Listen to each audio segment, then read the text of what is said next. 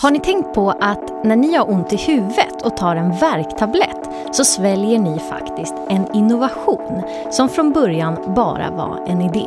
I det här programmet ska vi träffa någon som vet hur det går till när en innovation som räddar liv blir till. Mitt namn är Julia Tolin och med mig idag har jag Jan-Olof Jacke som är VD på AstraZeneca. Nu kör vi!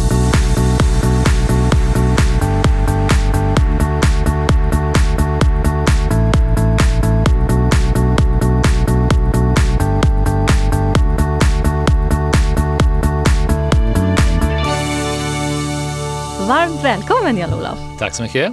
Hur mår du? Jag mår jättebra. Vad härligt. Du är ju VD på AstraZeneca som är ett super megastort läkemedelsbolag. Mm. Hur viktigt är innovation för er? Innovation för oss är anledningen till att vi finns. Vi, eh, vi har ju egentligen ingen verksamhet om vi inte ständigt förnyar oss. För att de produkter vi har, de har en viss eh, livslängd med patent och det är har, du har bara patent om du kan eh, vara liksom nytänkande och, och, innovativ. Så innovation är grunden för att vi kan finnas. Så det, det är det viktigaste vi gör. Vad är en innovation? En innovation är ju framförallt eh, någonting som du kan tillämpa i vårt fall som man kan tillämpa i behandling av patienter. Så det är inte bara att komma upp med en smart idé som är lite nytänkande utan att utveckla den idén till något som faktiskt betyder någonting för användaren. Och i vårt fall så är användaren en patient med ett, ett medicinskt behov. Jag undrar om vi skulle kunna så här, få följa med på en resa från där, idé till verklighet. Oj, ja, det är klart man, får. Ja, men om man tänker sig då att eh, ni har massa eh, människor som jobbar med att utveckla idéer antar jag. Hur går det till? Resan från idé till att man sen kan köpa den här på apoteket. Ja. Vad, vad, går det igenom för olika faser? Vart, vi kan börja med, vart börjar det någonstans? Var börjar det någonstans? Dels är det en, en, väldigt, väldigt lång process. Så från de allra första idéerna tills dess det kanske blir ett läkemedel så kan det ta 12-15 år. Och det allra, allra mesta man har som en idé tidigt kommer aldrig att bli någonting. Så det som händer är att i de riktigt tidiga faserna så har man fått en förståelse för biologin i kroppen om vad det är som påverkar en viss sjukdom. Och då försöker vi att skapa en molekyl som då har effekt på just det område eh, där vi tror att eh, orsaken till sjukdomen skapas. Och det gör vi i samarbete med hela världen. Så de flesta innovationerna hos oss i de riktigt tidiga stadierna kommer inte från våra egna laboratorier utan kommer från samarbetspartners över hela världen. Och det kan vara akademiker i USA eller Tyskland eller Kina, eh, hela världen. Och sen så småningom när vi har testat och vi har testat i, i, i, i olika former så kan vi säga att nu har vi någonting som vi tror är så pass säkert och myndigheterna säger att ni har så bra dokumentation så att ni kan börja pröva det här i människa. Och då börjar vi göra studier i friska frivilliga som det heter för att, att se att det inte finns några sidoeffekter. Eh, ofta är det ofta studenter, eh, men, men det kan vara vem som helst. Tjänar man pengar på det? Ja, då, får man, då, då får man en liten slant för det.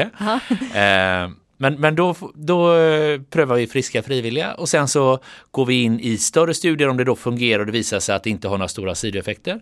Då går vi in och testar effekten i nästa fas och då får man testa lite olika doser. Ska det vara en milligram eller två milligram eller fem milligram? Vad, vad är liksom bäst balans mellan effekt och, och, och biverkningar?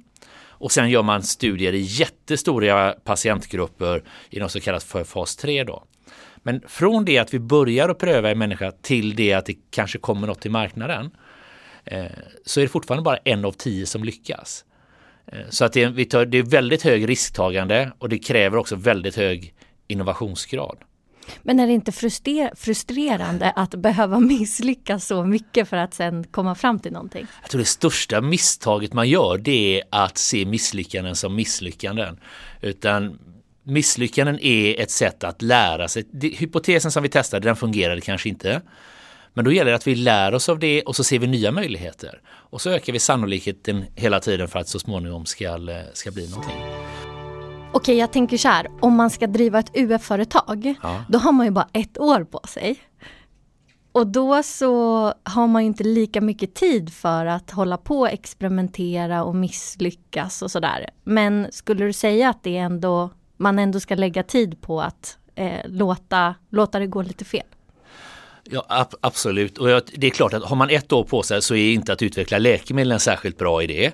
Eh, och det kanske kräver, det kräver lite andra typer av, av bakgrundskunskaper och så också. Men däremot så är ju konceptet att pröva sig fram, testa idéer. Eh, det är bara att man måste göra det med någonting som har mycket, mycket, mycket kortare cykler och där man kan få sina svar väldigt snabbt. Men, men det är klart att om du har en hög innovationsgrad då har du också en förutsättning för att ta ordentligt betalt för dina produkter när du väl kommer på marknaden. Eh, har, är, är du marginellt differentierad från de andra så varför ska någon betala mer för din produkt eller ens köpa din produkt istället för någon annans? Sen kan man jobba med innovativa liksom, sätt att leverera produkterna som kanske är standardiserade. Sådär. Men om du inte har innovation någonstans då kommer du bara få sälja på pris i slutändan. Och det, då är det rätt svårt att, eh, att tjäna pengar. Men har du en innovationsgrad antingen i din produkt, i ditt sätt att leverera produkten, ditt sätt att förpacka produkten, i någonting. Du måste liksom hitta någonting som är unikt och innovativt om du ska ha en bra möjlighet att eh, ta, ta ordentligt betalt. Spännande. Där mm. Man blir liksom lite taggad på att hitta på nya grejer. Du, jag tänkte tillbaka till eh, företaget som du jobbar på. Ja. Eftersom det är just det läkemedelsbranschen och att det är ja, men det handlar om människors hälsa. Eh, så tänker jag att som jag har hört att det finns ändå lite så kritik mot man tar patent och sen så håller man det liksom på sitt företag och inte låter Ja, man, man, jag tänker på att man kanske skulle vilja att eh, patienterna skulle få läkemedel till billigast möjligaste pris. Mm. Eh, hur, eh, hur funkar det där egentligen med patent för er? Utan patent så skulle det i princip kan man säga inte komma några stora nya innovationer. Det är oerhört dyrt att ta fram ett nytt eh, läkemedel. Eh, det, det, det, diskuteras och debatteras lite grann exakt hur mycket det kostar i genomsnitt men det ligger nog någonstans mellan 2,5-3 eh, miljarder dollar och ta Oj. fram ett nytt eh, läkemedel. Och det är klart att om du vet att när du väl har gått igenom hela den processen, tagit fram det, så inom sex månader skulle det kunna komma någon annan och göra exakt samma sak och bara ha en priskonkurrens. Det är klart att det finns inga investerare som skulle våga lägga pengarna i den forskningen som dessutom kräver så långa tidshorisonter. Vi pratade om det förut att det tar väldigt många år att få fram ett läkemedel. Ja, ni måste ju om man jobbar 15 år utan att kunna tjäna pengar på produkten, då det är ju verkligen en stor investering. Ja, och det finns ingen som skulle vara beredd att göra den om du inte, när du väl lyckas, om du då inte har någon form av skydd eh, för att inte någon annan ska göra exakt samma sak utan att ha lagt ner en krona eller väldigt, väldigt lite på, eh, på forskning. Så vi, vi, till exempel, vi lägger 25 procent av alla våra intäkter, eh, lite drygt faktiskt, tillbaka in i ny forskning. Men det är ju, det är ju investeringar som man får betalt och, eller återbetalning på om 10, 15, 20 år kanske. Det är, det är väldigt, väldigt hög risk. Ja, och väldigt långsiktigt tänk hela tiden. Väldigt långsiktigt tänkt. Och det skulle vi aldrig kunna stimulera om man inte har någon form av av, av skydd när man kommer på marknaden. Man skulle kunna tänka sig att man hade lite lägre priser och, och, längre patentskydd. Eller väldigt mycket högre priser och kortare patentskydd. Det finns massa sätt att göra det här på. Men nuvarande modell tycker jag ändå är en ganska fungerande modell. Och den innebär ju också att när en produkt väl går av sitt patent så har ju samhället tillgång till de här medicinerna i all evig framtid för väldigt, väldigt, väldigt låg kostnad.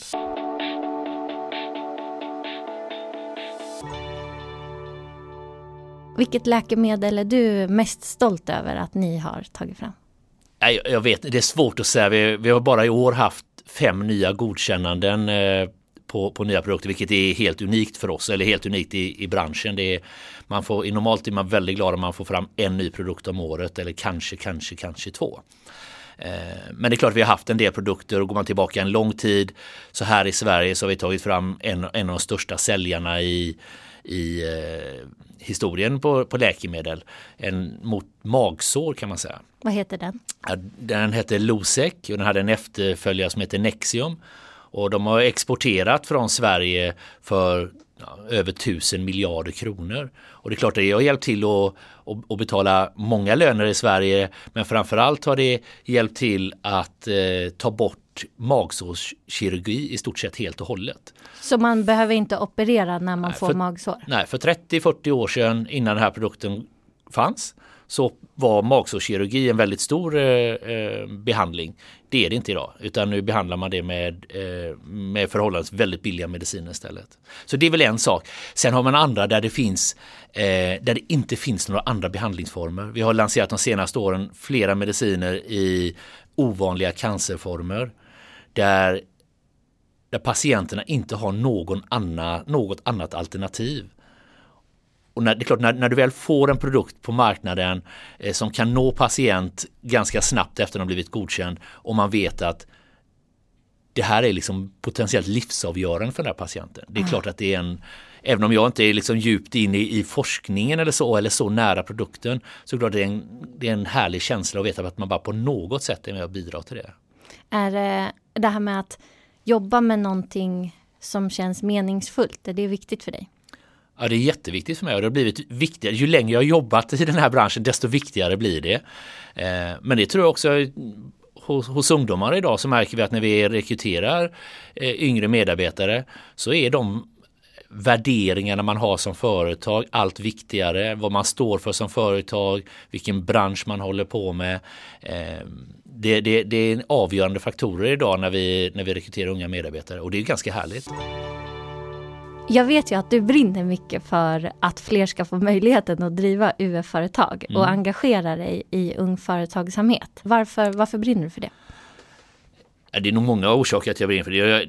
Jag, kommer från en eh, småföretagarfamilj från början. Eh, har drivit flera små egna företag och, och sådär. Eh, och jag ser entreprenörskapet som, som Sveriges framtid. Och det är oavsett om man är i ett litet bolag och startar något nytt själv. Eller om vi får mer entreprenöriella människor i de stora bolagen. Vi behöver det i de stora företagen precis lika mycket som man behöver den här startup-mentaliteten i de små bolagen. Så jag, jag brinner för det av de anledningarna och jag brinner för det av anledningen att jag älskar att se eh, den nästa generation som liksom får de bästa möjliga förutsättningar. Och bara få jobba nära ungdomar är, ger mig otroligt mycket energi. Du har till och med tagit rollen som eh, ordförande i Ung Företagsamhet ja. i Sverige. Ja, det är jag väldigt eh, glad och stolt över att ha fått den chansen. Om du skulle starta ett UF-företag själv, vad skulle du göra då? Ja, ja jag vet inte. Det, det är klart att eh, jag, sku, jag, jag, vet inte exakt vad jag skulle göra eh, och det vore kanske dumt att ge för mycket råd om det. Men men jag skulle absolut eh, söka någonting där man kände att det fanns en, en, innovationshöjd i det. Där man tillför någonting som inte redan finns, fyller ett behov som finns men som inte liksom motsvaras av, av, av produkter idag. Så jag, jag skulle nog gå för innovation och av flera anledningar. Dels därför att det är roligt. Eh, dels därför att man känner på riktigt att då gör man skillnad. Och dels så har man större chans att tjäna pengar. Skulle du beskriva dig själv som eh, innovativ? Ja, jag tror jag är säkert inte så innovativ som jag själv tror och, och vill vara. Men eh, min roll är kanske inte att ta fram de innovativa produkterna men jag har en ganska viktig roll i att skapa en innovativ miljö. Om vi ska vara ett av de mest innovativa företagen i, i världen, vilket är vår ambition, då, då gäller det att vi har en bra miljö för det. Och det är en inre miljö där Eh, där det finns bra arbetsplatser, där vi skapar möjligheter att träffas. Vi har tagit bort alla eh, sådana klassiska kontor, eh, alltså, som vi kallar för cellkontor. Vi har bara öppna ytor. Eh, man har ingen fast plats. Jag har ingen fast plats utan jag hugger en plats utifrån den arbetsuppgiften jag ska göra just då. Eh, vi har Göteborgs coolaste café på, eh, på forskningssajten. Vi har en jättefin miljö i Södertälje på produktionssajten. Så att skapa en, en innovativ miljö och som också öppnar upp. Och vi har till exempel tagit in eh, 26 bolag är det idag. Det kommer in ytterligare ett par inom kort. Eh, som sitter precis i hjärtat av våran forskningssajt. 26 småbolag, startups som eh, är det största är kanske 20 pers, det minsta är väl två. Eh, och då sitter 26 bolag, de har exakt samma tillgång till alla lokaler som, som jag har. Eh, och det är också ett sätt att öppna upp och visa att vi vill vara en modern, öppen miljö, både utåt, utanför våra egna grindar, men också på insidan. Och det kan jag ju vara med och, och faktiskt göra en del om. Det låter ju som att när du beskriver att det här med samarbete blir väldigt centralt. För att när man öppnar upp en kontorsplats och där, då möjliggör ju det samarbete, tänker mm. jag. Ja, vi, vi är helt övertygade om att det är jätteviktigt för oss. Vi tror stenhårt på eh, samarbete och vi tror, eh, vi tror stenhårt på att skapa miljöer där folk möts på naturliga sätt. Och det kan vara folk, våra egna personer och det kan vara personer som kommer från utsidan. Och vi tror stenhårt på att ha en så blandad arbetsplats som möjligt. Så vi, tycker är, vi är jätteglada att varannan forskare vi anställer idag anställer vi utomlands ifrån. Vi har 50 nationaliteter ungefär på vår forskningssajt i Göteborg. Eh, det kanske är en 450 eller så icke-svenskar och vi couldn't care less om de kan prata svenska eller inte så länge man, vi har ett koncernspråk som vi kallar för bad English. eh, och, och, och det, det, tycker vi skapar en rätt, eh, eller det skapar inte en rätt, det skapar en superspännande miljö. Massa nationaliteter, bra eh, gender diversity eller vad heter, jämställdhet med kvinnor och män. Vi har faktiskt fler kvinnliga chefer i Sverige än vad vi har manliga. Och det är ganska ovanligt när man är, eh, har en stor del eh, produktion. Jag tänker om man ska plocka ner det där med samarbete och skapa, eh, nyttja att man kan olika grejer mm. till ett UF-företag. Mm. För att det är ganska lätt att när man går på gymnasiet att så här, det här är mina eh, bästa kompisar, då kör jag med dem. Och det ja. kan ju absolut funka om man ska starta ett litet företag. Ja. Men tycker du att man ska våga gå utanför det där också? ja, men jag, Ja, om det är bästa kompisen eller inte. Jag, jag tror det är jättespännande och, och, man skapar ju nya eh, sociala ytor om man, om man och förstärker sociala ytor om man kanske går utanför sin normala innersta krets. Jag tror det viktigaste är att man inte bara väljer att vara ett gäng med personer som tänker likadant.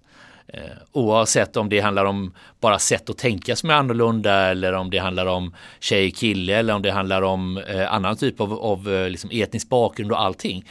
Eh, men att man inte bara är en grupp på tre, fyra, fem personer där alla är ganska överens från början. Det skapar liksom inte mycket spänst och, och sådär. Så att jag tror att det är jätteviktigt att man, eh, man ska ha respekt och man ska ha öppna diskussioner. Men det är jättebra om man eh, har, har, en liksom spridning i sättet att tänka och förhålla sig till saker. Jag måste säga en sak som jag tycker är kul och det är att när man tänker på någon som är vd för ett jättestort bolag då kan jag känna så här, oh det är lite läskigt att träffa en sån person.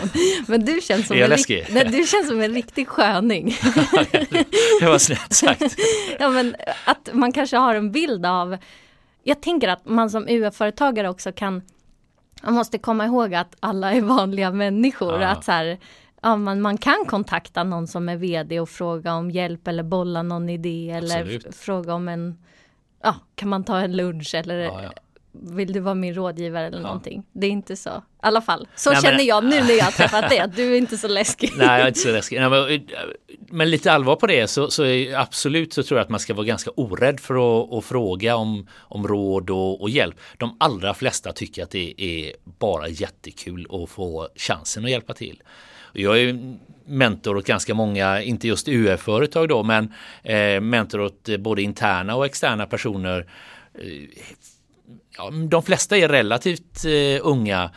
Men, men jag tycker det, det, är ju en, det ger ju mig minst lika mycket som det ger dem. Och jag, ibland vet man ju inte, man hoppas ju verkligen att det ger ungdomarna någonting. Eh, eller om det för den delen eh, vuxna kollegor och så. Men jag vet ju i alla fall att det ger mig jättemycket. Det ger mig, jag lär mig nya saker, jag förstår nya områden, det ger mig ny energi. Eh, så hoppas man att det också ger liksom, de som man är mentor åt eh, no någonting tillbaka också. Det tror jag verkligen att mm. ni som lyssnar som är UF-företagare eller ska driva UF-företag kan ta med er. Att eh, det är till och med så att de som är mentorer får ut någonting verkligen av ja, att ja. vara mentorer till er. Så våga fråga. Våga fråga. Ja. Våga fråga och jag tror de som, de som är mentorer, eh, alltså de flesta tycker det är ganska kul att någon är intresserad av det jag kan tillföra det, det är lite klapp på axeln det också så att det är faktiskt en, liksom en ära för den som får frågan. Så nej, ta chansen. Ja. Och, och i värsta fall får man väl nej. Mm. Men så småningom får man ett ja också. Med det så är det dags att avsluta. Jag vet att du är väldigt eh, busy, mm. så det ska vi göra. Men avslutningsvis, eh, om du skulle sammanfatta lite och skicka med någonting som man ska ta med sig till UF-företagarna, vad skulle det vara? Ja, men det första är att se fram emot ett jättekul år. Eh, jag tycker också att ni ska acceptera att eh, ni kommer vara lite oense emellanåt, och, men i slutändan så, så, så, jobbar ni igenom det. Men när ni, när ni formerar er produkt och ert företag så tänker jag att det viktigaste ni ska tänka på det och hela tiden fråga varför ska någon kund köpa det här? Vad är det som är unikt med just det jag gör? Levererar jag det på ett specifikt sätt? Har jag någonting nytt som tillfredsställer något nytt behov för dig som, som kund? Men vad är det som är unikt med just eran produkt och just ert företag? Riktigt bra tips. Tack så jättemycket Jan-Olof för att du tog dig tid. Tack själv, kul att vara här. Hej då! Hej då!